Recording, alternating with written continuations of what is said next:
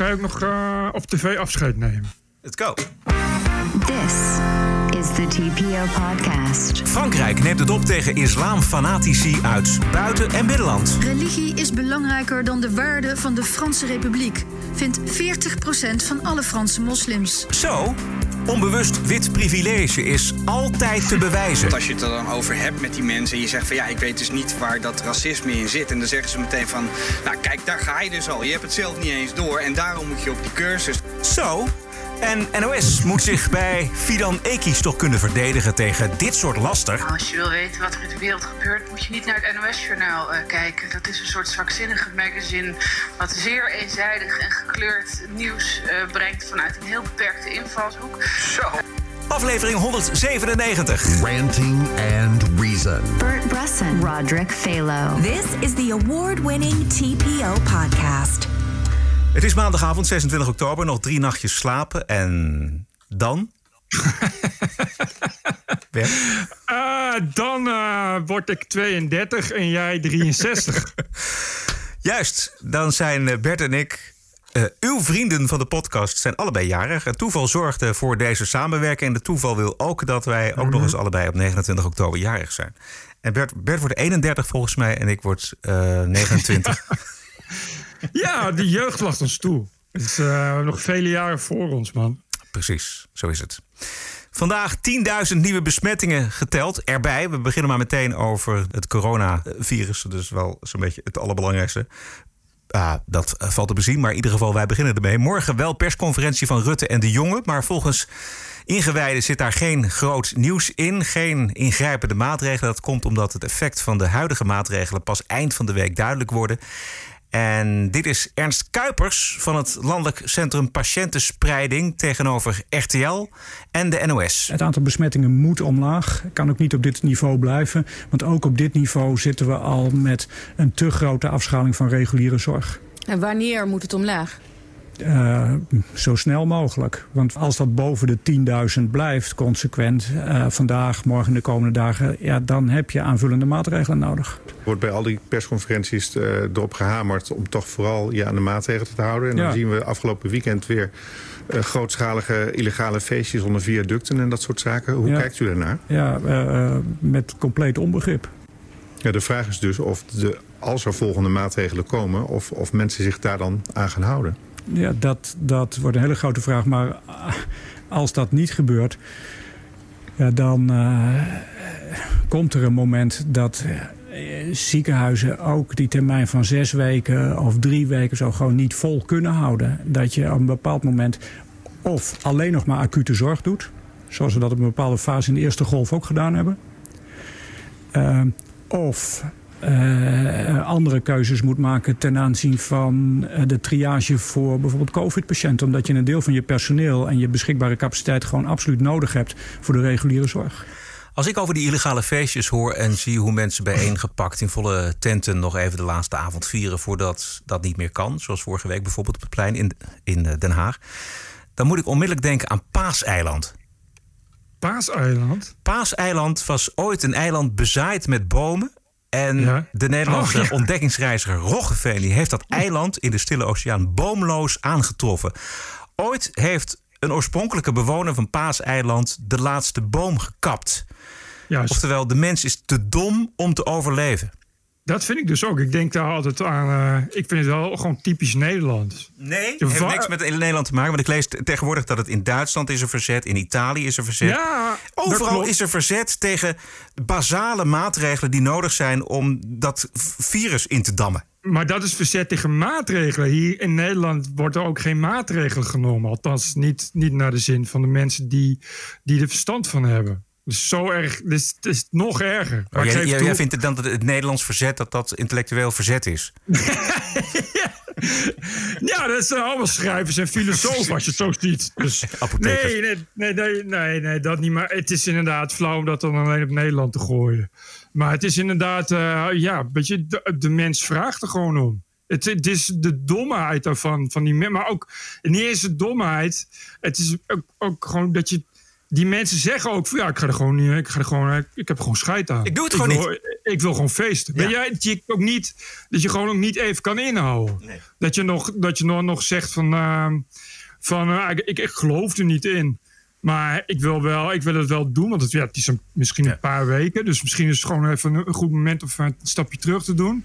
Dat, dat, dat is, vind ik het, vind ik het allerergst. Dat die mensen die, die zeggen el- elke keer de hele tijd hetzelfde. Van ik wil dat, dus, ik, dus, dus dan moet het gebeuren. Weet je, ik, ik, ik- de mensen die het in de portemonnee raakten, de horeca-ondernemers, bij hen begrijp ik eh, nou ja, het verzet, maar in ieder geval de aversie enorm goed. Precies. En eh, die hebben alle recht van spreken. Het is, het is, het is een eh, mengeling van, eh, van, van, van, van de echte wappies. Die, die inderdaad. Maar er zitten dus ook veel van die, van die QAnon-aanhangers tussen en zo. Dus dat zijn er ook. Dat zijn, dan heb je het echt over mensen die eh, inderdaad gewoon geloven dat het allemaal is verzonnen. Ja, niet voor reden vatbaar, zeg maar. Dat, ben je- dat is dus niet voor reden vatbaar. Maar wat je, wat je ook heel veel ziet, is, is een soort, soort puberaal verzet. Het, gewoon, gewoon, de overheid is stom. Ja, ja. Dus, dus, ik, dus ik ga dat lekker niet. Weet je, gewoon dat. Ik ga dat lekker niet doen. En ik ga dan lekker laten zien dat ik dat niet doe. En dat is ook.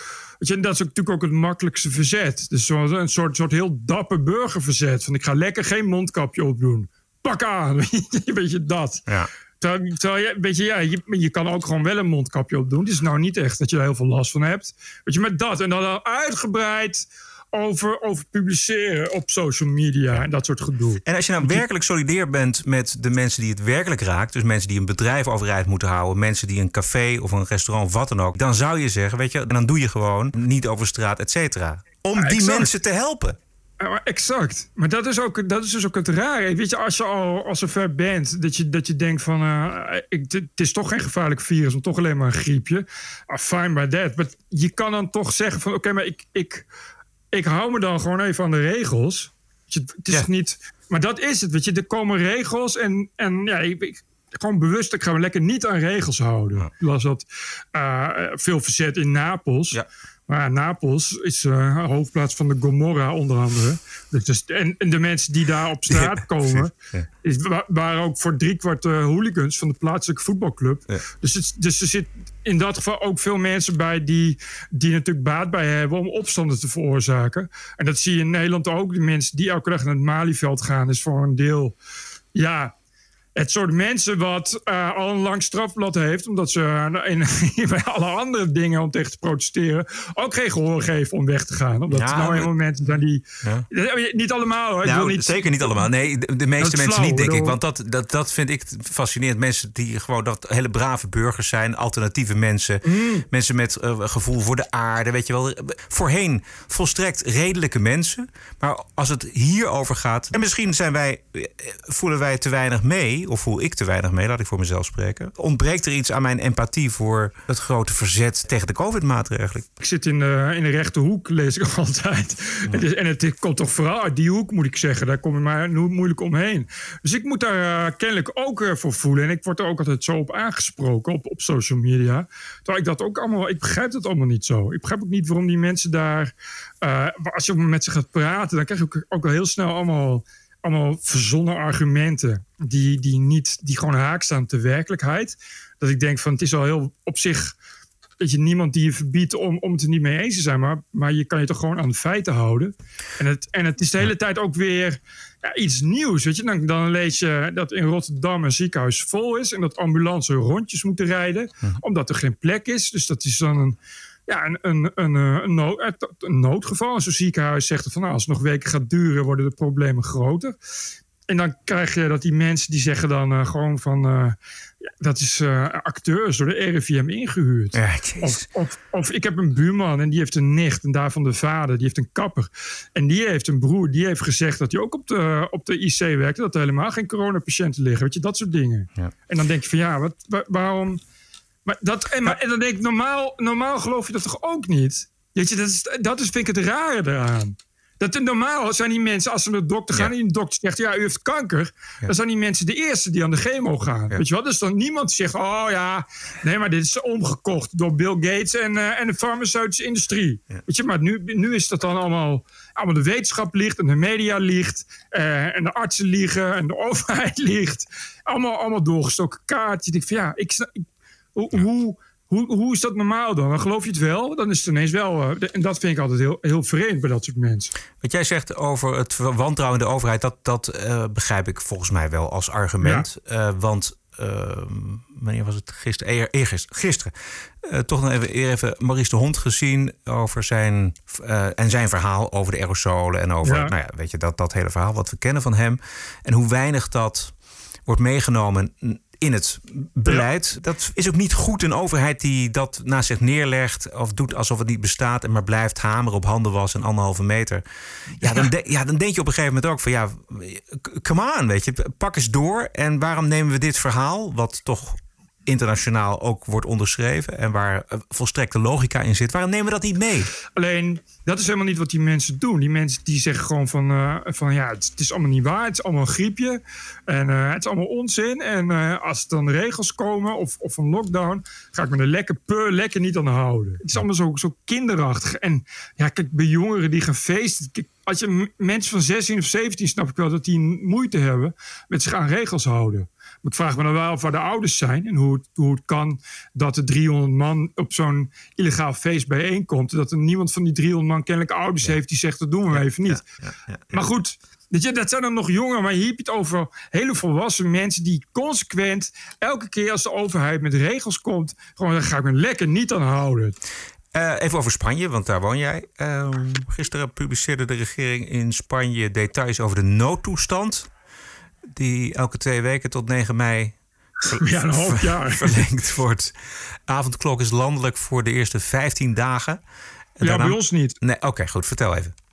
Nou, de Canarische eilanden zijn uh, momenteel de enige uh, coronalage land in de wereld. Ik geloof ook met Griekenland samen, viel me op.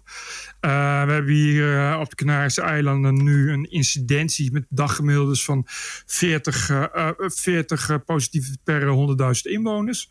En dat is dus ruim onder de, de gevarenzone van 50. En ik geloof dat in de Nederland en in Duitsland zo ja, boven de zoveel 100 is per 100.000. Dus heel laag.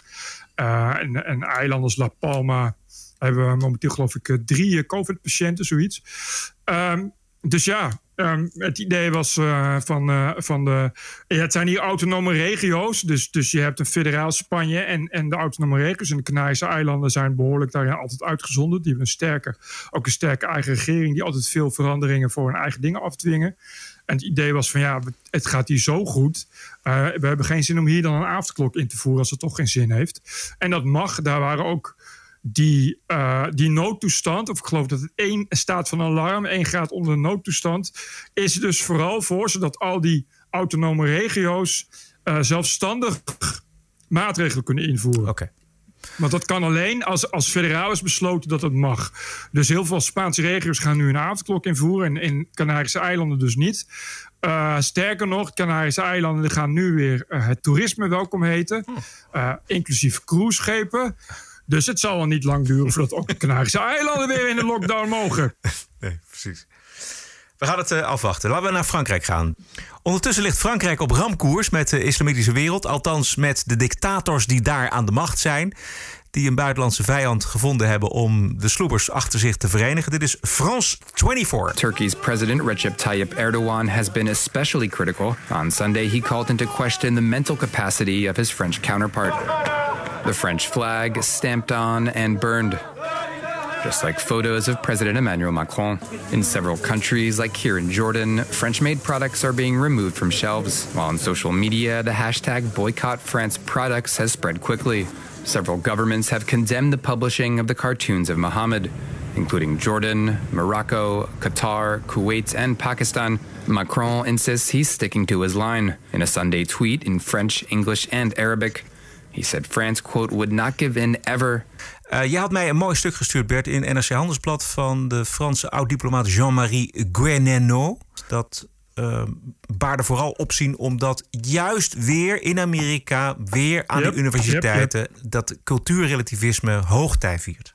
Ja, dat is wat de liberals, uh, de academia in de Verenigde Staten nu doen. Nu zeggen ze tegen elkaar van ja, Frankrijk vraagt ook wel een beetje om. Je moet ook niet, je moet ook niet uh, heilige gevoelens kwetsen. Ja. Frankrijk moet gewoon ophouden met heilige beelden kwetsen. En een beetje respect hebben voor uh, de religie. Ja, dat is, dat is bon ton onder dat soort, dat soort intellectuelen en, en liberals. Overigens niet alleen in in Amerika. Nee, zeker niet. Hier in Nederland ook. Ja, zeker. En het, het gaat om het idee dat je, als je nou maar geen gevoelens kwetst, in dit geval gevoelens ja. van moslimgemeenschappen, uh, dan bewaar je de lieve vrede en dan komt alles goed. Maar ja. die uitruil is gigantisch als je dat in het licht zet van wat we tot nu toe bereikt hebben met de verlichting en de Franse Revolutie en hoe we met elkaar leven al jaren. Namelijk ja. in respect met en de vrije meningsuiting. Die vrijheid en die vrijheid van meningsuiting, die moet je afschaffen. En, en, en alle uitingen die kwetsend zijn, die moet je dus zoveel mogelijk censureren. Het is, dat uitruil is het dat, eigenlijk. Hè? Je, je ruilt en, je vrijheid voor vrede. Ja, en dat, maar precies, je laat je dan dus gewoon chanteren. Ja. Je laat je gewoon je chanteren voor vrede. En uh, ja, als je dat moet gaan doen. Kijk, die moslims, zeker de landen als Pakistan en Turkije, die zijn altijd gekwetst. Je kan dan wel gaan zeggen: Oké, okay, ik ga geen heilige beelden meer kwetsen. Oké, okay, fijn, dan gaan we geen, geen, geen uh, cartoons meer van Mohammed maken. Maar ja, dan zijn ze daarna ook, ook weer gekwetst. Weet je, dat bedoel, het, het houdt nooit op nee, met die mensen ook. Er is altijd dus wel iets uh, te kwetsen. Maar uh, wat vooral ernstig is, en dat is wat, wat hier natuurlijk de afgelopen week eindelijk weer helder wordt. Eindelijk, zeg ik, omdat leven in een open samenleving en niet beledigd willen worden, dat gaat niet samen. Nee, dat kan dus niet. Dat kan niet. Nou, ik geloof, ik las dat uh, Beatrice de Graaf en Nicky Sterkenburg een lesbrief hebben geschreven. Ik, een lesbrief die gaat dus naar, naar scholen. Hoe docenten moeten omgaan met de vrijheid van meningsuiting. En in die lesbrief, verdomd, daar staat dus letterlijk dat uh, het recht om niet te worden gekwetst in de grondwet staat. Hè? Ja, en dat is Beatrice de Graaf en Nicky Sterkenburg, die ook voor een van de ministerie werkt inmiddels. Ja. En Beatrice de Graaf, die elke dag met haar kristelhoofdje op televisie is om te vertellen dat het allemaal eenlingen zijn, dat het allemaal komt door de drugs. Weet je wel? En er staat dus gewoon, het staat in de grondwet dat je het recht hebt om niet gekwetst te worden. Weet je, en toen zag, las ik dat op Twitter en toen kwam er een andere tweet voorbij van iemand die gaf, uh, die liet een screenshot zien van een lesboek van geschiedenis in de onderbouw, ik geloof van Meulenhof. En er stond dan ook van ja, er is vrijheid van meningsuiting in Nederland, maar kwetsen mag niet. Religies kwetsen mag niet, want dat is discriminatie. Staat dat in de grondwet? Nee, natuurlijk staat dat niet in de grondwet.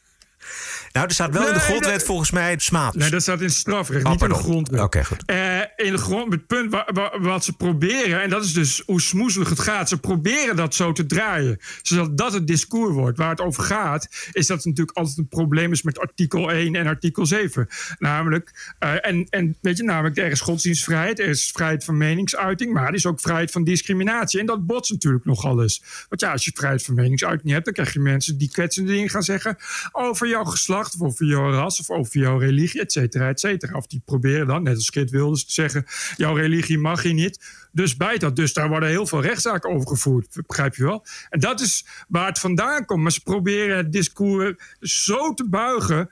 dat het dan, dat het dan terechtkomt op een soort bordje van... nee, je mag niet worden gekwetst. Ja. En dat is wat je de hele tijd hoort. Dat wordt ook van al die kut-BN'ers de hele tijd herhalen. Elke 4 mei zijn er weer. Elke 4 mei is het weer Georgina Verbaan. En, uh, en uh, dat soort lui die dan zeggen van... ja, vrijheid van meningsuiting betekent niet dat je zomaar alles mag zeggen. Ja, dat betekent het toevallig wel Precies. in Nederland. Wat, waar, waar, ik me ook vandaag aan gestoord heb... Uh, dat is niet een manier om de NOS maar weer eens te bashen... maar is, zijn de berichten bij de NOS Oei. over... Uh, hoe, hoe dat nieuws van vandaag, hoe die islamitische wereld reageert op Macron. Dan krijg je dus berichten met als premier van Pakistan dubbele punt... Facebook moet islamofobie behandelen als holocaust. Ze brengen het alsof het een argument is. Dat ja, is, ja, ja, ja, dat ja, is ja, het. Zo leest het artikel ook. Zo leest hè? het artikel. En nog eentje, wacht even, ik zoek even. Die ging volgens mij over Erdogan.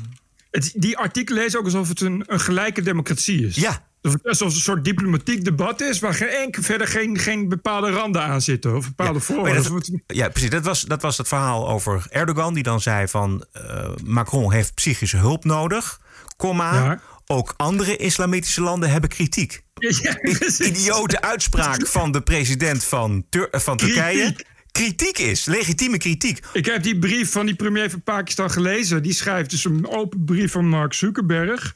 En daar staat onomwonden in, uh, inderdaad, dat uh, vroeger had je de holocaust. Nou, dat begon met pogroms voor Joden. Nu heb je een nieuwe holocaust, want de pogroms op, uh, op de moslims is al lang begonnen.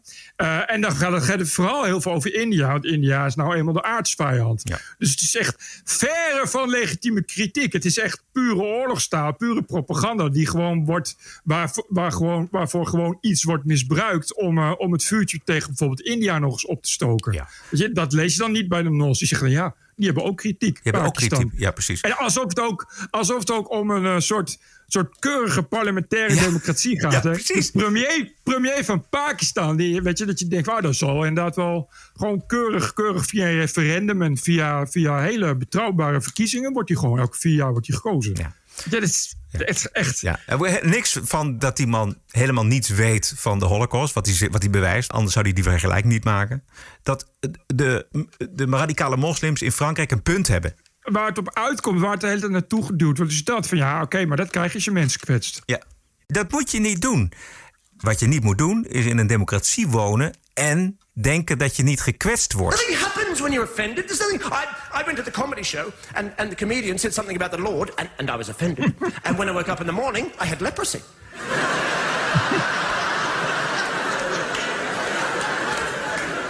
nothing happens. I want to live in democracy, but I never want to be offended again. Well, you're an idiot. Ja, er werd hartelijk om gelachen nog. Steve Hughes uh, in de Comedy Club. Uh, dit is een paar jaar geleden. It's serious business nu. Nee, ja, maar dit, dit is al heel lang aan de gang. En, en de islamisten, die. Het punt is dat het discours echt enorm wordt bespeeld. Ja. Dat, daar, daarom haalt ze ook de Holocaust erbij. Want uh, Erdogan heeft nu ook alweer de Holocaust erbij gehaald. De, want, en dat doen ze allemaal omdat ze, omdat ze weten hoe gevoelig dat ja, ligt. Precies. Weet je, dus, dus, dus dan krijg je van ja, islamofobie is ook een soort Holocaust. En uh, jullie waren toch zo, want dat heeft die premier van Pakistan gezegd: van ja, Facebook haalt uh, uh, holocaustbejubbeling en holocaustontkenning altijd weg. Hey, jullie, waren toch, jullie, willen toch, jullie zijn toch zo voor vrijheid van meningsuiting? Nou, kennelijk kan er wel, wel dingen worden weggehaald. Dus dan moet islamofobie ook weg. en ja.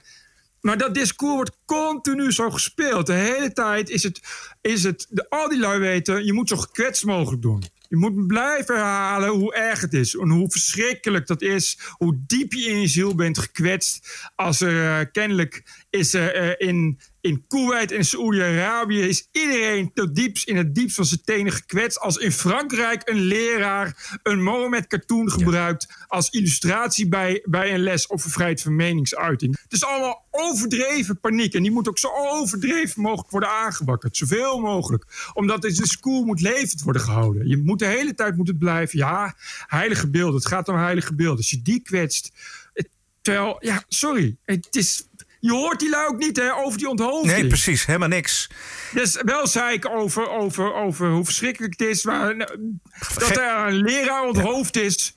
Geen enkel probleem. Geen enkel probleem. Geen, geen medeleven, helemaal niks. De reflex om, om dit geloof buiten alle kritiek te houden. Ja, eigenlijk wel grappig getweet van het Parool. Op de dag van de onthoofding, even voorlezen. Vorige week is dat erbij ingeschoten. Uh, komt ie. Een man in een voorstad van Parijs onthoofd. De aanvaller is door de politie doodgeschoten. Hij zou Allah Akbar hebben geroepen. Komt ie. Het is niet duidelijk of het om een terroristische aanslag gaat. Ja, ja. Dat is zo grappig ook. Er waren ook, ja, nou ja, ik. ik God.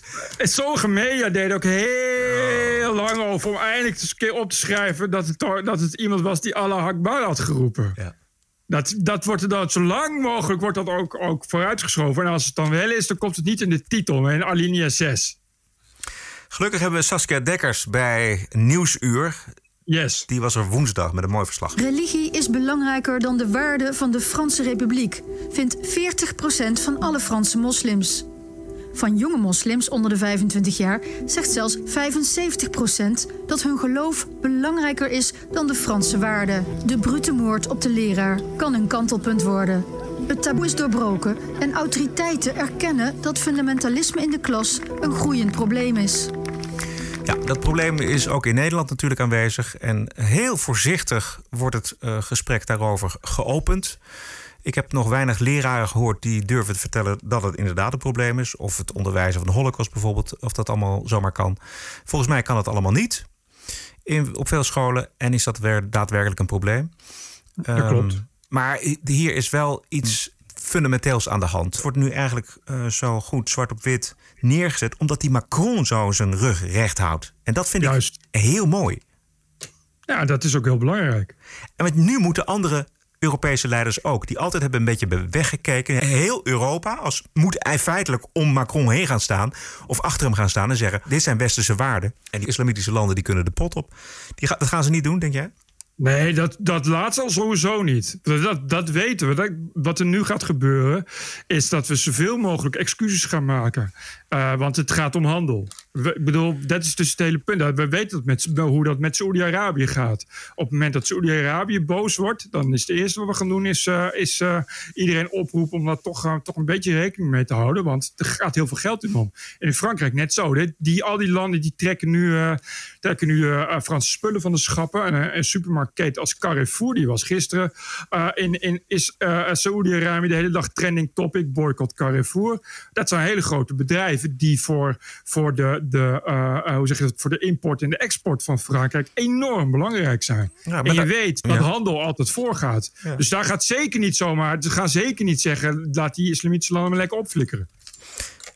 Ja, weet ik nog niet. Want je kunt ook zeggen van nou, dan leveren we niet. En dan, dan zoeken al die consumenten in Qatar en Kuwait naar hun westerse spullen. Die vinden ze niet. Want Nederland gaat ze ook niet leveren. En Duitsland gaat ze ook niet leveren. Italië ook niet. Als we één front trekken. Uh, ik ben heel erg voor de Europese eenheid opeens. Want uh, ja, dan kun je wel een vuist maken. En moeten we eigenlijk wel naar dat idiote voetbaltoernooi in Qatar over twee jaar. Dat vind ik ook. Als zij kunnen boycotten, kunnen wij het toch ook?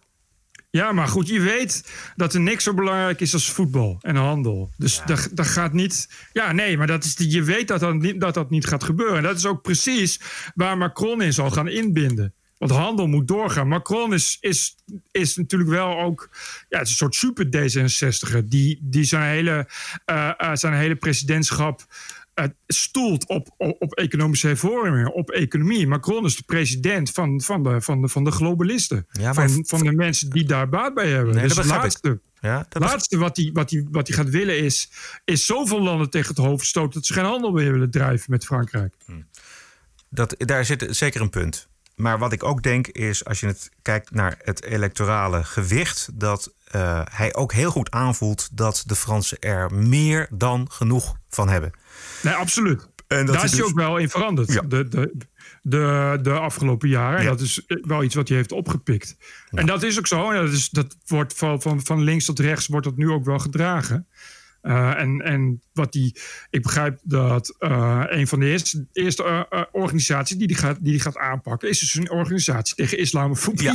Dat is dezelfde organisatie, die zit, zit van voor tot achter echt vuistdiep in het salafisme, uiteraard. Ja. Want dat is iets wat, wat heel veel mensen ook maar niet willen begrijpen, is dat die hele anti-islamofobiebeweging, die komt voor, vooral voort, wordt gedragen door die salafisten uit precies dezelfde landen die ook de moskeeën steunen. Dat, is, dat zijn wahhabistische landen die, waar dat soort verenigingen ook uit voortkomen. Ja. En dat is, dat is een, een heel bijzondere stap, zeker in Frankrijk. En dat gaat ook wel, uh, dat gaat op zich gewoon veel opleveren, omdat uh, het het is wel altijd een probleem geweest, die, die anti-islamofobiebeweging. En in Frankrijk is het toch altijd wel links en extreem links geweest. Dat heel veel hervormingen die er eigenlijk al hadden moeten zijn. Uh, tegen islamisering, tegen, tegen uh, islamisme, hebben die dat tegengehouden. En dat is nu toch wel, uh, wel aan het veranderen ook. Ja, want links en extreem links loopt ook mee in die demonstraties. Het zou buitengewoon goed zijn dat, dat dat ook overwaait naar Nederland, deze houding. Ja, in Nederland uh, is, het nog steeds, uh, is het nog steeds moeilijk, merk je. Ik zag geen stijl had een leuk overzicht van alle, van alle uh, hoe zeg je dat? adhesiebetuigingen van Mark Rutte naar terroristische aanslagen. Ja. En dat zijn er, zijn er nogal wat. En geen van die betuigingen komt het woord islam voor. Okay. en dat is dus hetzelfde als een NOS-artikel als je het zo onder elkaar zet. Weet je wel, je ziet hoe daar hoe daar, ja, die, die Rutte natuurlijk heel krampachtig. Bij de laatste ook. En die komt notabene, god weet het, vijf dagen nog eens, na vijf dagen nog eens een keer met een steunbetuiging aan, uh, aan de Fransen en aan Macron. En heel omzichtig wordt dat woord islam wordt niet genoemd. Uh, ja, weet je, en ik zag ook dat uh, Dylan, die, die Turkse... Jussel, Jussel Gus, die komt dan ook van oh, met, een nieuw, met een nieuw voorstel. En dat is ook, dat staat bol van we gaan moeten extremisme bestrijden. Maar beslist niet het woord islam noemen. Weet je, je ziet dat het staat er bijna. Als je het, als je het boven zo'n papier boven een brandende kaas houdt, dan zie je in bruine letters niet islam noemen, zie je dan staan. Dat is heel typisch. En dat is nog Nederland nog lang niet klaar voor. Dat kan ik je zo wel vertellen. Straks de Wokweek. En we kijken natuurlijk vooruit naar de Amerikaanse verkiezingen. Maar we kijken eerst even naar uh, Fidan Ekis. Want het eerste seizoen van De Vooravond zit erop. Gelukkig krijgen we weer Margriet van der Linden met haar onderwerp. Ik net zeggen. Gelukkig komen we weer. Ja, precies, ja. Daar komen namelijk onderwerpen aan bod... waar journalisten van de publieke omroep wel met fatsoen aan een gesprek kunnen deelnemen. Ja. Um, ja, Fidan. Fidan is natuurlijk de pain in the ass van de publieke omroep... die we altijd gehad hebben willen hebben. Uh, volgens mij. Ze is leuk, ze is eerlijk, ze is... Uh, she cuts the crap, ze is uh, stoer, ze is mooi. En zo kan ik nog wel even doorgaan. Donderdag pakte de journaal-hoofdredacteur Marcel Geloof publiekelijk... pakte zij hem op Twitter. Onbestaanbaar en onbegrijpelijk hoe Marcel Geloof journalisten van de NOS al een heel seizoen de vooravond verbiedt om bij ons aan te schuiven. daarmee uh, raakten ze een open zenuw bij de heer Geloof. Yep. Wanneer niet, maar goed. Ja, wat vind jij ervan? Nou, geloof heeft toch al wat open zenuwen. Dus om die te raken is nou niet zo heel erg moeilijk. Uh, wat ik van vind is dat de geloof volgens uh, gaat zeggen dat het echt absoluut niet met het programma heeft te maken. Uh, maar dat hij doodleuk. Hij zei het gewoon zonder ironie. Dat uh, NOS-verslaggevers nogal hechten aan objectiviteit. Ik ga het nog een keer herhalen. NOS-verslaggevers en medewerkers hechten nog aan objectiviteit. Nou was het account, Twitter-account, een geweldig account, Vizier op links heet dat. Ja. Die uh, onderzoek doet naar, uh, naar uh, ja, vooral linkse hypocrisie tot nu toe. Uh, die had toch een mooie compilage gemaakt van uh, NOS-verslaggever en presentator, NOS-medewerker Ilko Bos van Roosentaal. Die uh, alles, maar vooral niet objectief, bij notabene het opinierende programma De Wereld Draait Door zit. En niet één keer, ongeveer 364 keer, ongeveer overdwars op Matthijs Schoot. Ja, dat is natuurlijk precies precies waar, waar dat soort lui dan tegenaan lopen. Dat ze, dat ze geen argument hebben. Want dan zeg je van ja, nee, want ik wil niet in dat soort programma's. Want wij zijn van de NOS en we willen niet meedoen met die, met die meningvorming. Maar iedereen weet dat dat niet zo is.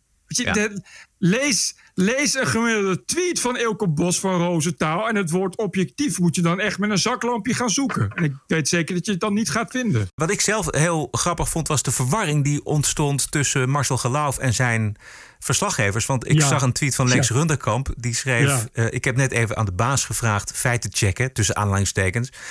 Uh, dat je verhaal niet klopt, Fidan. We mogen gewoon aan tafel hoor. Kwalijke tweet hoor. Vervolgens had uh, tegen het AD NOS-hoofdredacteur inmiddels wel toegegeven dat de vooravond geboycott wordt. Vidaan heeft dat ook nog getwitterd. Dat, dat er echt, ja, dat zo uh, mensen hadden geregeld. Mensen hadden gevraagd en dat die werden af, afgezegd dus door de NOS.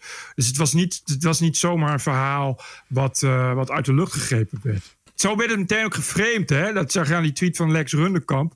Van ja, nee, dat zouden, we echt, uh, dat zouden we echt nooit doen. Maar wel, het is gewoon wel zo. Het is gewoon, het is gewoon een, een ding dat je niet bij de vooraf mag zetten. Waarom? Omdat, omdat sowieso Vidane, Ekis en ook die Rens Klamer, die natuurlijk van de EO is. Weet je, dat is ook wel een rechtsige jongen. Die zijn sowieso sowieso al fout. Maar sinds hij natuurlijk heeft opgenomen voor, voor die Wilderszaak... dat ze heeft gezegd dat het, dat het een politiek proces is... ja, dat, dat, daar hoor je daar als nosser... ja, hoor je daar gewoon niet te gaan zitten. Nee. En dan is er ook nog uh, het schuim onder mond van vakbondsvrouw Nevin Dimitras... die onder de schuilnaam Lola Oranje Bloesem... Uh, het heeft over een nestpisser. Weet je, het beeld dat bij mij opkomt is dat het het is allemaal het bewijs dat het niet gaat om een diverse achtergrond. Uh, het gaat om de juiste mening. En Fidan toetert niet mee met de obligate linkse kletspraat. Weet je wel? Exact. En daarom wordt haar programma geboycott. En, en, en komt geloof aan met een smoes dat er geen, tussen aanleidingstekens, objectieve verslaggevers daar aan tafel mogen gaan zitten. Mooi Amerikaans voorbeeld is de zwarte Amerikaanse actrice Joy Villa. My name is Joy Villa. I'm a number one Billboard artist and conservative actress. I've lived with and dealt with this topic for my entire life. I've never taken a day off from being a woman of color. In 2018, Ava DuVernay, the celebrated black filmmaker who said she wants to use more black actresses in her films and have more diversity, blocked me on Twitter. I was blacklisted from industry events. I was not welcome on talk shows. I was not included in pop culture magazines or publications unless as the butt of a joke. Rolling Stone magazine told my publicist they would not write about me because of my politics. One casting director called me that Trump bitch.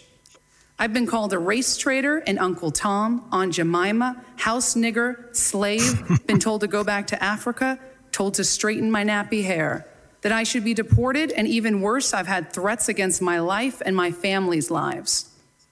These remarks come only from the so called tolerant left, who preach that they want diversity. To be clear, this did not happen because I'm black or because I'm Latina or because I'm a woman. It happened because I'm openly conservative. Boycotten omdat je het gewoon inhoudelijk politiek niet met haar eens bent. Iedereen weet dat een NOS een linkse bolwerk is. Tuurlijk ben je daar niet welkom als rechtse conservatief. Trouwens, wat zit ik me net te bedenken? Weet je, er is geen enkele reden om niet uh, naar dat programma te gaan, de vooravond, uh, door, door een verslaggever van NOS. even in de woorden van Lex Rundekamp. Uh, je kunt daar gewoon zitten en je kunt er gewoon, je hoeft er niet mee te gaan in, in de opinies. Je kunt er gewoon zeggen, nou, uh, wij houden ons graag aan de feiten en dit en dat en zus en zo is er gebeurd en dit en dat antwoord. Dan kun je nog, dan heb je nog een aardige bijdrage trouwens ook. Hè? Als, een tafel ja. met alleen maar mening is misschien ook saai op een gegeven moment. Het is heel prettig en, en, en heel goed profilerend voor de NOS, voor het NOS Journaal, om daar iemand exact. te hebben die gewoon zegt van ja, maar wij hebben dat onderzocht en dit en dat zijn de feiten. Nee, maar kijk, dat is, ik vind ook niet eens het probleem dat je zegt van ik wil om de objectiviteit te bewaken, wil ik gewoon dat mijn mensen niet in programma's gaan zitten, maar dan moet je dat ook niet doen. Weet je, en als je wel, uh, wel uh, inclusief geloof zelf bij, uh, bij de Wereldrijd door gaat zitten, ja, dan maak je jezelf niet zo heel erg geloofwaardig. Dan, het, is, het is of het een of het ander. En ik, ik vind het heel goed hoor, als je als hoofdredacteur van een, van een nieuwszender zegt. Maar dan moet, je ook, dan moet je ook zeggen dat die lui een keer ophouden met twitteren bijvoorbeeld. Weet je, dan moet je ook zeggen, jongens, wij zijn het gezicht van een NOS. En een NOS is objectief en een NOS is niet, niet opinierend. En dat wil ik zo houden. Dus ik wil dat iedereen zich daar ook aan houdt. Dat als je bij de NOS werkt, dan moet je niet denken dat je, ook, dat je kunt in, in dat soort, dat soort babbelprogramma's kunt gaan zitten. Want dat botst met onze waarden. Dat is prima. Maar dan moet je dat wel consequent volhouden. En zo werkt het natuurlijk niet. Nou denkt iedereen van ja, dat zal wel niet. Want bij de Wereld Door mag het wel. Nou, je kan moeilijk zeggen dat de Wereld Door geen opinierend programma is, bijvoorbeeld. Weet je, als je in hetzelfde programma zit waar ook Prem Radakishun zit... wordt het een beetje lastig om te zeggen... nou, opiniëren is mij niet echt opgevallen. En ik denk ook niet dat de NOS-verslaggevers zien bij het programma De Slimste Mens. Een van de betere, opinierende programma's van de publieke omroep. Een paar jaar geleden zat daar, Annabel. Nou, als je wil weten wat er in de wereld gebeurt, moet je niet naar het NOS-journaal uh, kijken. Dat is een soort zwakzinnige magazine. wat zeer eenzijdig en gekleurd nieuws uh, brengt vanuit een heel beperkte invalshoek. Zo. Uh, als je het wil kijken, onder leiding van meneer Geloof, die ook merkwaardige journalistieke principes erop nahoudt trouwens. als je het wil kijken, moet je het vooral doen. Maar ik raad iedereen aan om zijn nieuws zo divers mogelijk zelf bij elkaar te verzamelen. Maar het heeft zijn punt, ja, zeker heeft zijn punt, ja. Voor de duidelijkheid, Philip Freriks presenteert dit programma. Ja, dat is degene die je zo hoort zeggen. Dat ja. is dus een ex-presentator van het Nationaal. Ja, ik was helemaal vergeten. Maar het, was, het, het kwam weer tevoorschijn in uh, de Twitter-meuk deze week. Ik weet dat nog heel goed. Ja, Geweldig. We gaan naar de Bookweg. Let's do it. I was offended and I have rights. TPO Podcast. You're an adult. Grow up. Deal with it. I don't Ja, meest achterlijke en woke bestuur van Nederland huisvest hier in Amsterdam. Vandaar dat het clubje burgemeesters en wethouders wat over vertegenwoordigd is in de Wokweek. Gemeente Amsterdam komt uh, miljoenen tekort door onder andere de corona-bijstandsuitkeringen, bruggen die in elkaar donderen, uitgeprocedeerde asielzoekers waar opvang voor wordt gebouwd. Maar gelukkig is er nog wat geld over om het hele ambtenarenapparaat op privilegetraining te sturen. Blijkt uit een brief van afgelopen dinsdag in een reportage van Omroep Poont zat raadslid Kevin Kreuger over wat het gemeentebestuur denkt te bereiken met de privilegecursussen. Uh, wat ze hiermee willen bereiken? Ja, ik denk toch voornamelijk dat ik me heel erg uh, schuldig voel. Hè? Want als je het er dan over hebt met die mensen en je zegt van ja, ik weet dus niet waar dat racisme in zit. En dan zeggen ze meteen van, nou kijk, daar ga je dus al. Je hebt het zelf niet eens door en daarom moet je op die cursus. Dus ja, ik denk vooral dat je je gewoon heel erg schuldig voelt over het feit dat je, dat je blank bent. Dit is een, een motie van uh, Sylvana Simons van Bijeen. Die kreeg dan steun van, uh, van een linkse partij in de gemeenteraad. Diederik Bobstra. Uh, ja, die, die moeten dan maar uitleggen wat ze hier precies mee willen. Maar ja, het is een hele kwalijke uh, ideologie wat mij betreft die erachter zit.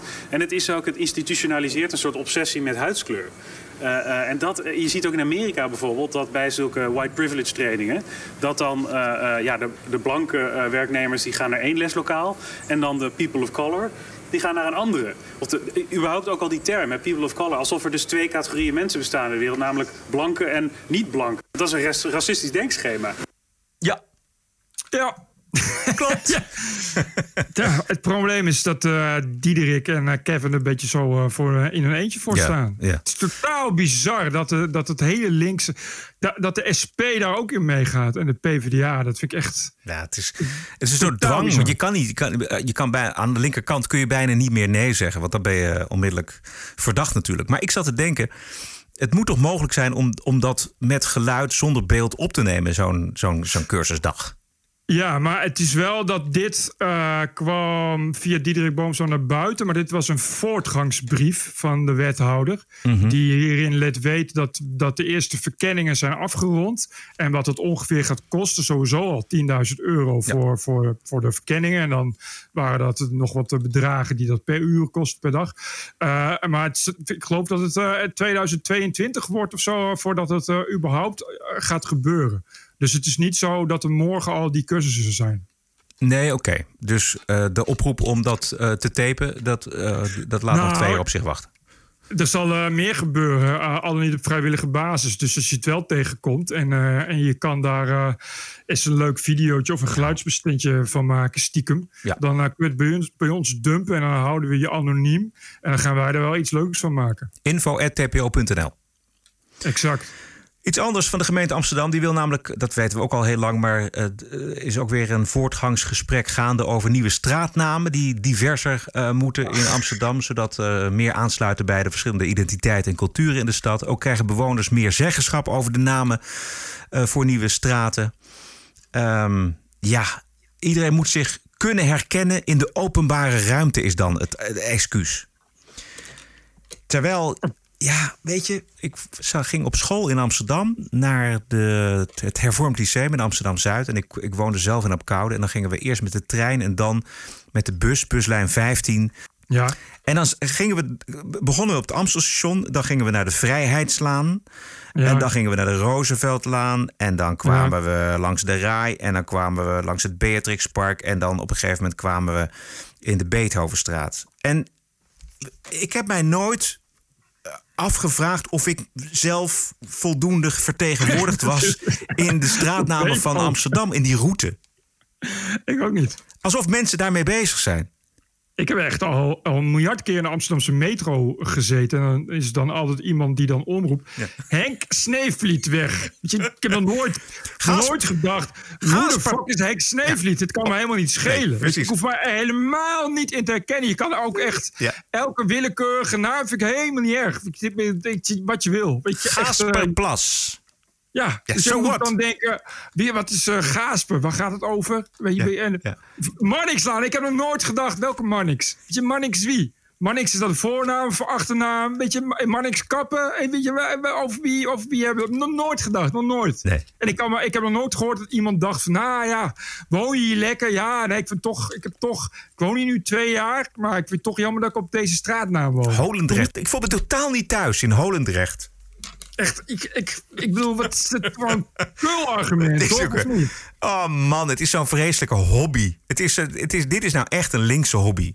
Ja, en, en nou zijn er misschien luisteraars die denken van... ja, maar het gaat ook fantastisch in Amsterdam... dus ze hebben heel veel geld en ruimte om dit soort dingen te doen. En dat is dus niet zo. Marie Baarspul is zelfstandig kunsthistoricus. Zijn blijkbaar ook afhankelijke, niet zelfstandige kunsthistorici. En publieksbemiddelaar. En zij geeft eh, ons richtlijnen waarlangs wij inclusief zullen moeten schrijven. Bert weet er meer van. Marie Baarspul, die schrijft eh, een, hele spread in een, in een tijdschrift. En dat tijdschrift heet Tekstblad. Eh, en dat is kennelijk, ik wist ook niet dat het bestond. Maar dat is kennelijk een tijdschrift voor, quote, communicatieprofessionals, unquote. Dus het zijn mensen die eh, leven van tekst schrijven. Nou, en, en eh, in, dat, in dat blad... Eh, in dat blad schrijft ze dus over hoe je inclusiever kunt schrijven. Want ook of juist in geschreven teksten kan onbewust sprake van uitsluiting. Vaak veroorzaakt door bepaalde blinde vlekken van de schrijver. En al ben je hier als tekstschrijver van bewust, in de praktijk valt het niet mee de juiste afwegingen te maken. Dat is natuurlijk een groot probleem wat je natuurlijk altijd hebt als schrijver. Heb ik ook elke dag. Ik hoe, als dit maar goed valt. Spreek je je lezer aan met jij of u? Is nigger een taboewoord of een geuzennaam? Nou, wat zou dat nou zijn? En hoe neutraal moet je eigenlijk willen zijn? Ook het gebruik eh, aan, ook het gebrek aan eenduidigheid over het begrip inclusie zit in de weg. In de weg, begrijp je wel? Ik heb het elke dag dat ik denk van jongen, wat zit daar toch in de weg? Maar dan is het begrip inclusie. En, maar haar inleiding van haar tekst is, is eigenlijk zoveel zeggen dat je dat hele artikel ook niet meer hoeft te lezen. Dus dat ga ik even voorlezen. Zo groot is het. Dit is de lead van haar artikel. De opkomst van de Black Lives Matter-beweging werkt als een katalysator voor meer bewustwording van institutioneel racisme. Dat zit ingebakken in alle facetten van de samenleving, juist in geschreven teksten. Bewustwording is een goede zaak, maar blijkt in de praktijk niet altijd gemakkelijk toepasbaar. Valt het al niet mee om als tekstschrijver je blinde vlekken te traceren? Ook gebrek aan eenduidigheid over het begrip inclusie zit in de weg. In dit artikel zoekt Marie Baarspul de nuances tussen zwart en wit. Marie Baarschul geeft ook tips. Tip 1. Krijg oog voor blinde vlekken. Ga niet uit van de witte heteroman of het traditionele gezin. Tip 2. Benoem huidskleur, afkomst, geaardheid, beperking enzovoorts. Alleen als het relevant is voor je verhaal. 3. Wees zo concreet mogelijk. Zeg bijvoorbeeld niet onze jaartelling als je de christelijke jaartelling bedoelt. Of niet het Verre Oosten, maar Zuidoost-Azië. Tip 4. Kies termen en benamingen die de betreffende gemeenschap zelf respectvol vindt. Maar blijf steeds je aannames checken bij diezelfde gemeenschap. En de laatste tip. Benoem de emoties rondom een term uit het verleden en verklaar waarom deze tegenwoordig beladen is, zoals Gouden Eeuw. Nou. Marie Baarspul, dankjewel. Ja, veel dank voor deze tips. Dankjewel voor zijn, deze eh, goed dat mensen dit al hierover schrijven, vind ik. Ja, heel goed. Ehm, Licht in de duisternis komt van de Britse minister van Emancipatie. Haar naam is Kemi Badenoch. Een zwarte conservatieve politica. En zij wil in het spoor van Donald Trump de woke critical race theory van scholen bannen. What we are against is the teaching of contested political ideas as if they are accepted fact. We don't do this with communism, we don't do this with socialism, we don't do it with capitalism. And I want to speak about a dangerous trend in race relations that has come far too close to home to my life. And it is the promotion of critical race theory, an ideology that sees my blackness as victimhood and their whiteness as oppression. I want to be absolutely clear this government stands unequivocally against critical race theory. We do not want to see teachers teaching their white pupils about white privilege and inherited racial guilt. And let me be clear any school which teaches these elements of critical race theory as fact or which promotes partisan political views such as defunding the police without offering a balanced treatment of opposing views is breaking the law. Heer, heer. Heel goed. Fantastisch. Ik vind sowieso dat, dat die nadruk inderdaad op op eh, de, het gevaar en het, en het onwetenschappelijke en het, en het onwaarachtige van critical race theory, die moet gewoon veel groter zijn. Heel veel mensen hebben ook geen idee. Nee. Want heel veel mensen hebben geen idee dat dat de drijvende kracht achter is. Die denken van, oh, leuk, een, eh, een, eh, een workshop, workshop wat is het, diversiteit. Maar Die hebben geen idee dat het, een, dat het eigenlijk een, een, een br- een brainwash session is. Exact, exact. Van, van, een soort, van een soort levensgevaarlijke religie. Ja. En dat moet je maar zoveel mogelijk blijven herhalen. Want mensen moeten zich daar wel eh, bewust van zijn. Het is gewoon onzin. Dat is het allerergste. Het wordt gebracht als waarheid. Of iets waar, waar men niet zonder kan. Maar dat, dat is dus gewoon niet zo. Het is gewoon een, een verderfelijke ideologie. Om leerlingen bewust te maken van het gevaar van die critical race theory, eh, zou ik willen aanbevelen dit boek van Helen Pluckrose en James Lindsay, Cynical Theories. Eh, en deze Kemi Badenoch. Ik heb nog een stuk van twee minuten waarin zij gehakt maakt van de import van de Amerikaanse rassengeschiedenis naar de universiteiten van Groot-Brittannië. Zoals dat hele BLM-protest is geïmporteerd. Our history is our own, it's not America's. Too often, those who camp- campaign against racial inequality import wholesale a narrative and assumptions that have nothing to do with this country's uh, history and have no place on these islands. Our police force is not their police force. Our history of race is not America's history of race. series. Most black British people who have come to our shores were not brought here in chains but came voluntarily due to their connections to the UK and in search of a better life. I should know I am one of them. And we have our own joys and sorrows to tell. From the Windrush ge- generation to the Somali diaspora, it is a story that is uniquely ours. And if we forget that story, to replace it with an imported Americanized narrative of slavery, segregation, and Jim Crow, we erase not only the history of black Britain, but the history of every other community that has contributed to this society and has also been a victim of racism or discrimination from the Pakistani community to the Jewish community. Lesson number one you cannot improve history, you can only learn from it. What we can improve is the future, and that is what this government has been doing over the last 10 years. Lesson number two black history is not the history of institutional racism. Listening to some members across the House, it's quite clear that they don't know the difference. It is not true, as the member for Liverpool Riverside said, that African history was interrupted by slavery. As probably the only member of this House who actually grew up and went to school in Africa, I can tell you that's not what we're taught. Much more is taught about the history of black slave traders who existed before and after the mm-hmm. transatlantic slave trade. In fact, the most notable statue in the city of Lagos, where I grew up, is that of Madame Tinubu. It's the biggest one. It's now equivalent to Trafalgar Square. She was a slave trader, but she was also a freedom fighter and a much loved icon. Her slave trading is not celebrated, but her fight against colonizers is. In Nigeria, she's recognized as a complex character, as all historical figures are, and heaven help anyone who would try to pull her st- statue down. There is much that we can learn from Nigeria about how to handle the issue of statues. Ja, dit is echt eh, fantastisch. Dat laatste, dus hij heeft het over Madame Tinubu. Dat is eh, in Nigeria een heldin met een standbeeld. eh, terwijl ze ook slaven dreef. Maar ze wordt geëerd om wat ze gedaan heeft voor de onafhankelijkheid van Nigeria. Niet voor wat zij eh, met slaven deed. En dat kan dus naast elkaar bestaan. Ja, daar snappen ze het wel. Precies. Daar wel. Wat je hoort, dat is ook wat zo'n eh eh, autogeleerde als eh, Piet Emmer zegt. Weet je wel? Dus daar is dat natuurlijk normaal, omdat dat, ja, kijk, die slavenhandel gebeurde in je eigen gemeenschap. Dus Ja. die mensen hebben daar vooral geleden onder zwarte slavenhandelaren en niet zozeer onder Nederlandse slavenhandelaren. En, maar daar is het natuurlijk, natuurlijk je, daar beseffen ze dat veel meer. En hier is het allemaal zo feitenvrij dat je daar lekker, lekker mee kunt klungelen. Weet je, wat, wat, wat mij zo duidelijk wordt bij dit verhaal eh, van deze Britse minister is hoe vrij naadloos dat op elkaar aansluit. Die, dat christelijke schuldgevoel van wij willen deugen. En eh, de andere groep, zeg maar de Sylvaners, die daar gebruik van maken, de Aquasi's die daar gebruik van maken. Dan krijg je dus een soort van gisting waar heel moeilijk nog maar uit te komen valt. Je hebt dus mensen als deze minister nodig om je weer helder te maken en te zeggen: dit is eigenlijk allemaal totale onzin. Het enige wat jullie willen is witte schuld. Exact. Ja, je hebt daar dus kort gezegd een, eh, een volwassen publiek debat voor nodig. Ja. En dat is nou precies wat ze in, eh, in, in het Verenigd Koninkrijk wel hebben, inclusief eh, televisie- en radioprogramma's waarin dat gebeurt. En in Nederland eh, een stuk minder. De TPO-podcast. Een eigenzinnige kijk op het nieuws en de nieuwsmedia. Elke dinsdag, elke week, het hele jaar door.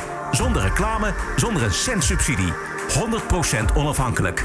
Wat is het jou waard? Word lid van de TPO-tribe. Kies zelf een bedrag of kies 52 euro per jaar. En dat is maar 1 euro per week. De TPO-podcast. Wat is het je waard? Ga naar tpo.nl slash podcast. Alle reden om te waarderen en te doneren, want we gaan vanaf volgende week twee uitzendingen per week maken. Volgende week is het namelijk uh, de week van de Amerikaanse verkiezingen. En dan uh, hebben we een podcast op dinsdag uh, voor de verkiezingen. En we hebben er eentje op vrijdag na de verkiezingen. Hopelijk dat er dan een duidelijke winnaar is. En zo niet, dan zijn we er ook op vrijdagochtend dus. Nou, vrijdagmiddag denk ik. Met een tweede podcast. Er is ook alle reden om te schrijven. Ons adres is info.tpo.nl. En de vraag is aan Bert: hebben mensen dat gedaan? Vier. Oké. Okay. deze is zonder naam. Dat. Beste heren, mijn naam hoeft niet genoemd te worden. Gefeliciteerd met deze gedurfde stap, Roderick. Geweldig dat je het aandurft. Ik heb geen twijfel dat jullie samen het eerste professionele en toch ongesubsidieerde kwaliteitspodcastduo van Nederland zullen worden. Ook voor het gemoed van Bert lijkt het me goed dat hij spoedig twee wekelijks therapeutisch tot ons kan renten. Toen ik het goede nieuws hoorde, daarom heb ik daarom direct mijn maandelijkse Patreon-donatie verdubbeld. Niet omdat ik het altijd met jullie eens ben. Maar gelukkig hoeft het ook niet altijd eens te zijn. Dit is het, dit is het FVD-journaal niet tenslotte. Goed om te horen dat jullie de binnenlandse onderwerpen ook weer buiten Amsterdam proberen te zoeken. Vooralsnog woon ik in deze bijna kapot gewookte stad, maar poog deze snel weer te verlaten. Ik heb ondanks de opvatting van onze burgemeester weinig hoop dat het tij hier snel weer zal keren. Mocht Roderick een ander onderkomen willen vinden, dan kan de rest van Nederland daarna wellicht besluiten Amsterdam vanaf de A10 af te steken en terug te geven aan het IJsselmeer. Ga zo door en dank voor jullie inspanningen en anonieme donateur. Dankjewel. Hans Reis, Reis, S-C-H zojuist 54 euro overgemaakt. Bedankt weer voor jullie heldere uiteenzetting. Kunnen dan ook niet wachten op de extra podcast die gaan komen. Groeten Hans en Karen. Dankjewel Hans en Karen. Donatie van Jeannette, zonder achternaam. Roderick en Bert, van harte gefeliciteerd met jullie verjaardagen. Ga zo door, Jeannette. Dank Jeannette. Het is wat prematuur, maar toch. Ja, hartstikke leuk. Roland Mulder. Heren, zojuist 26 euro gedoneerd. Sinds kort luister ik naar jullie podcast en het is een feest van herkenning. Eindelijk een geluid vanuit gezond verstand in plaats van links of rechts onderbuikgevoel. Bedankt en succes. Ik blijf trouw luisteren. Groet Roland Mulder. Roland, dankjewel. Dit waren eh, de donaties. Geen advertenties, geen subsidies. De TBO-podcast is een onafhankelijk geluid. En wij maken dat. Misschien heeft het waarde voor jou. Heeft het geen waarde, is ook goed. Heeft het wel waarde. Het kan 1 euro zijn. Het kan binnenkort misschien wel 2 euro zijn. Of 100 of 500. Dat is helemaal aan jou. Wij sturen je deze podcast en stuur jij ons wat het je waard is. Ga naar tpo.nl slash podcast. This is us. This is our country. This is CNN Breaking News. I believe that the president is literally an existential threat. Stop the hammering out there. Who's got a hammer? Make America great again. New York Times and CNN have also smeared veterans like myself. This video was taken during a heated exchange with an unidentified man who called Cuomo Fredo. Stop the hammering. This is the TPO podcast. News 630 WMAL, Washington. Ja, volgende week gaat het gebeuren. De presidentsverkiezingen in Amerika. Wordt Biden het of toch nog vier jaar Donald Trump? De loopgraven zijn diep. De vijanden kunnen elkaar niet eens meer recht in de ogen kijken. Laat staan dat ze met elkaar kunnen spreken. Zelfs op CNN, toch uiterst vriendelijk voor de Democraten, zijn, uh, die zijn het gedrag van de Democraten toch wel heel erg zat. Vorige week hoorden we Wolf Blitzer nog in een wanhopige poging uh, de baas van alle Democraten, Nancy Pelosi, tot de orde roepen. Er ligt nu een voorstel van Trump om 23 miljoen werklozen te helpen.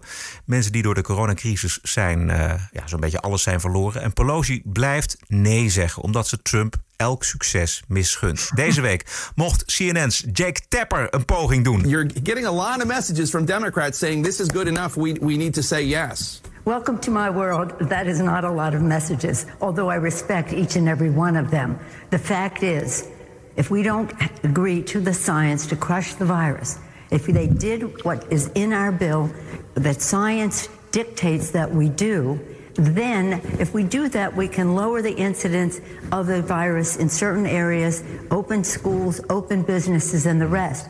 If we don't, we're just giving money to the president to spend any way he wants. Kijk, dit is het. Stel je voor. Dit mens is tot haar kruin gevuld met wrok en haat. We all want an agreement. Nobody wants it more than the House Democrats. We represent these people.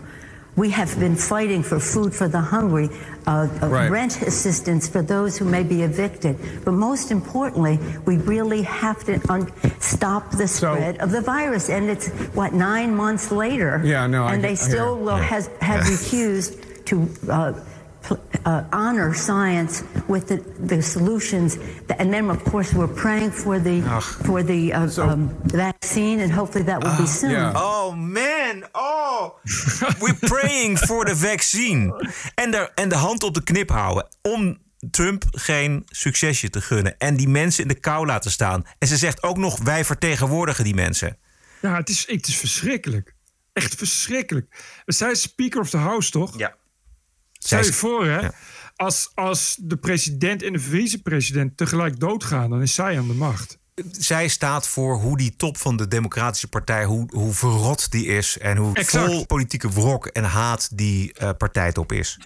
Het heeft ook helemaal niks met politiek te maken. Helemaal niet voor, voor kiezers. Die kunnen hier helemaal niets mee. Eh, en Biden weet ook niet meer wat hij zegt. Eh, dit komt eruit als hij iets wil zeggen over stemfraude. We have put together, I think, the most extensive and inclusive voter fraud organization in the history of American politics. Go Joe, go. Ik viel me wel op Ja. dat hij eh, in die debatten wel eh, coherent en scherp is. Ja, dat klopt. Maar ja, hij zit dan ook wel een week in een kelder eh, zich voor te bereiden. dus hij zal ook allemaal eh, door eh, heel veel mensen eh 24 uur per dag eh, eh, gecoacht worden en een heel debat uit zijn hoofd leren. Was het, vandaag zei hij nog eh, dat hij dacht dat George Bush president was. Oh ja, precies. Ja. Ja. Het derangement syndroom, dat is een term uit de fysiotherapie. En het treedt op bij mensen die te lang een eenzijdige beweging maken. Waarbij zenuwen overbelast raken en tegengestelde bewegingen niet meer mogelijk zijn zonder hevige pijnen. Al vier jaar leiden grote delen van de mainstream media aan het eh, Trump derangement syndroom. Waarbij journalisten op nog maar één manier eigenlijk naar de Amerikaanse president willen en kunnen kijken. En laat ik eens een willekeurige dag van de Volkskrant nemen. Dat is een krant die ik waardeer. Afgelopen vrijdag de voorpagina. Rijk Amerika wil nog vier jaar Trump. Een reportage uit een ultra chic hotel. Waaruit moet blijken dat Trump er vooral voor de superrijk is. Een paar pagina's verderop het nieuws dat de benoeming van Trumps kandidaat voor het Hoge Rechtshof, eh, die conservatieve rechter Amy Coney Barrett, dichterbij komt. En dat nieuws dat gaat dan gepaard met een foto van zomaar wat demonstranten. Die zouden demonstreren tegen, quote, de overhaaste procedure. De, de overhaaste procedure, dat, dat schrijft de Volkskrant dus gewoon. Het is echt, dat is echt slecht gewoon. En de klapper is wel de fotoselectie van mensen die hun middelvinger opsteken naar Donald Trump. als ze hem zien langsrijden in The Beast op weg naar zijn Ja. golfterreinen. Dat is een, eh, een fotoreportage. Kijk, ik moet even kijken. Dat is een, een Volkskrant eh, fotoredacteur. En dan de tekst erbij, die is, eh, dat is geweldig. Die zegt. De opgestoken middelvinger is behalve een poging een ander diep te beledigen, vooral een uiting van machteloosheid. Ah, oké. Ze wordt vooral gebruikt als het onmogelijk is de ander met woorden te bereiken, zoals in het verkeer. Of als je president Donald Trump heet, die liefst alleen zichzelf hoort praten. Het is dus niet verbazingwekkend dat Trump, zoals fotoredacteur Frank Schallmeier ontdekte bij zijn wekelijks ritje naar de golfbaan, op een regen aan middelvingers getrakteerd wordt. Goeie hemel. Dus dat is dus een, een, een hufter gebaar. Goed praten. Ja, het is zo triest. En, maar dat vond ik ook, dat was toen ook al eh, helemaal het begin dat die president was, zo'n politieagent of zoiets. Zo'n vrouw op een fiets die haar middelvinger opstak naar, naar, de, naar de beest. En eh, die foto ging viraal en die werd ontslagen en weet ik veel wat. En dan gingen al die media, vonden het allemaal helemaal fantastisch, want middelvinger opsteken naar Trump. Dat je ook denkt van, goh, het, het lukt gewoon niet één journalist om te zeggen van, goh, is het niet een beetje, beetje grof, je Ja. middelvinger opsteken naar, naar, naar de verkozen president Ja, van je land? Want je, het is gewoon niet. Het, je kan wel niet eens zijn met Trump, maar je middelvinger daar, daar naartoe opsteken is toch gewoon ook wel een beetje kinderachtig en een beetje sneu. Nou, fotoredacteur van de Volkskrant Frank Schalmeijer die legt het uit. Ja, dat, ik begrijp het nu. Ik begrijp het. Het is echt een, echt een daad van verzet, begrijp je. Ja. heel goed. Heel goed. Ehm, ik heb nog een bonusquote. That's it. Hebben we nog iets niet gedaan wat we hadden moeten doen? Volgens mij uh, zijn we er wel. Oké. De bonusquote is van een Amerikaanse comedian. Haar naam is Chelsea Handler Scholes, die een van haar exen in haar eigen woorden zou hebben moeten herinneren aan het feit dat hij zwart is en dat hij daarom niet op Trump kon stemmen. Komt ze. What's going on between you? I, I, saw your tweets and I go, wait, what's happening? Because you said he was your favorite ex-boyfriend and then he, what does he do? Supporting Trump? He says he doesn't want to pay 62% of taxes, which, by the way, isn't a plan of Joe Biden's. That's that's that's a lie. And I had to remind him that he was a black person, so he can't vote for Donald Trump. I had to remind him that he was a black person, so he couldn't vote for Donald Trump. Right. Dit is de blanke, progressieve arrogantie ten top. Ja, dit is uh, even uh, totale, totaal waanzin. Dit. De band waar ze het over heeft is een uh, rapper. Hij heet 50 Cents. Ah, en heeft nu bakzeil gehaald. Nadat hij had gezegd dat hij, dat hij Trump zou endorsen, heeft hij gezegd: I never liked him. En hij heeft ook gezegd: fuck Trump. Och, dapper. Vind dapper. Maar wat een karakter heb je dan? Wat een ruggengraat. Ja. Goed, dit was het dan. Alright. Alright. De TPO-podcast is te vinden op iTunes bijvoorbeeld, op uh, Spotify, op Soundcloud en natuurlijk op tpo.nl. Heel veel dank voor de ondersteuning van deze TPO-podcast 197. Post kan naar info.tpo.nl en waarderen kan op tpo.nl slash podcast. We zijn terug dinsdag 3 november. Dat is de dag van de verkiezingen. En we zijn ook uh, vrijdag 6 november zijn we er, want we beginnen dan met uh, twee afleveringen per week. En Bert en ik zijn ook nog jarig, 29 oktober. Ja, waarvoor uh, graag, graag extra donaties. Dank u. Alle reden om te doneren. Allemaal een euro per aflevering. Nou, dan zijn wij er in ieder geval volgende Juist. week weer. Heb een hele mooie week en tot dinsdag. Ja, ook Roderick. Jij ook, Bert. TPO Podcast. Bert Bruson, Roderick Balo, Ranting and Reason.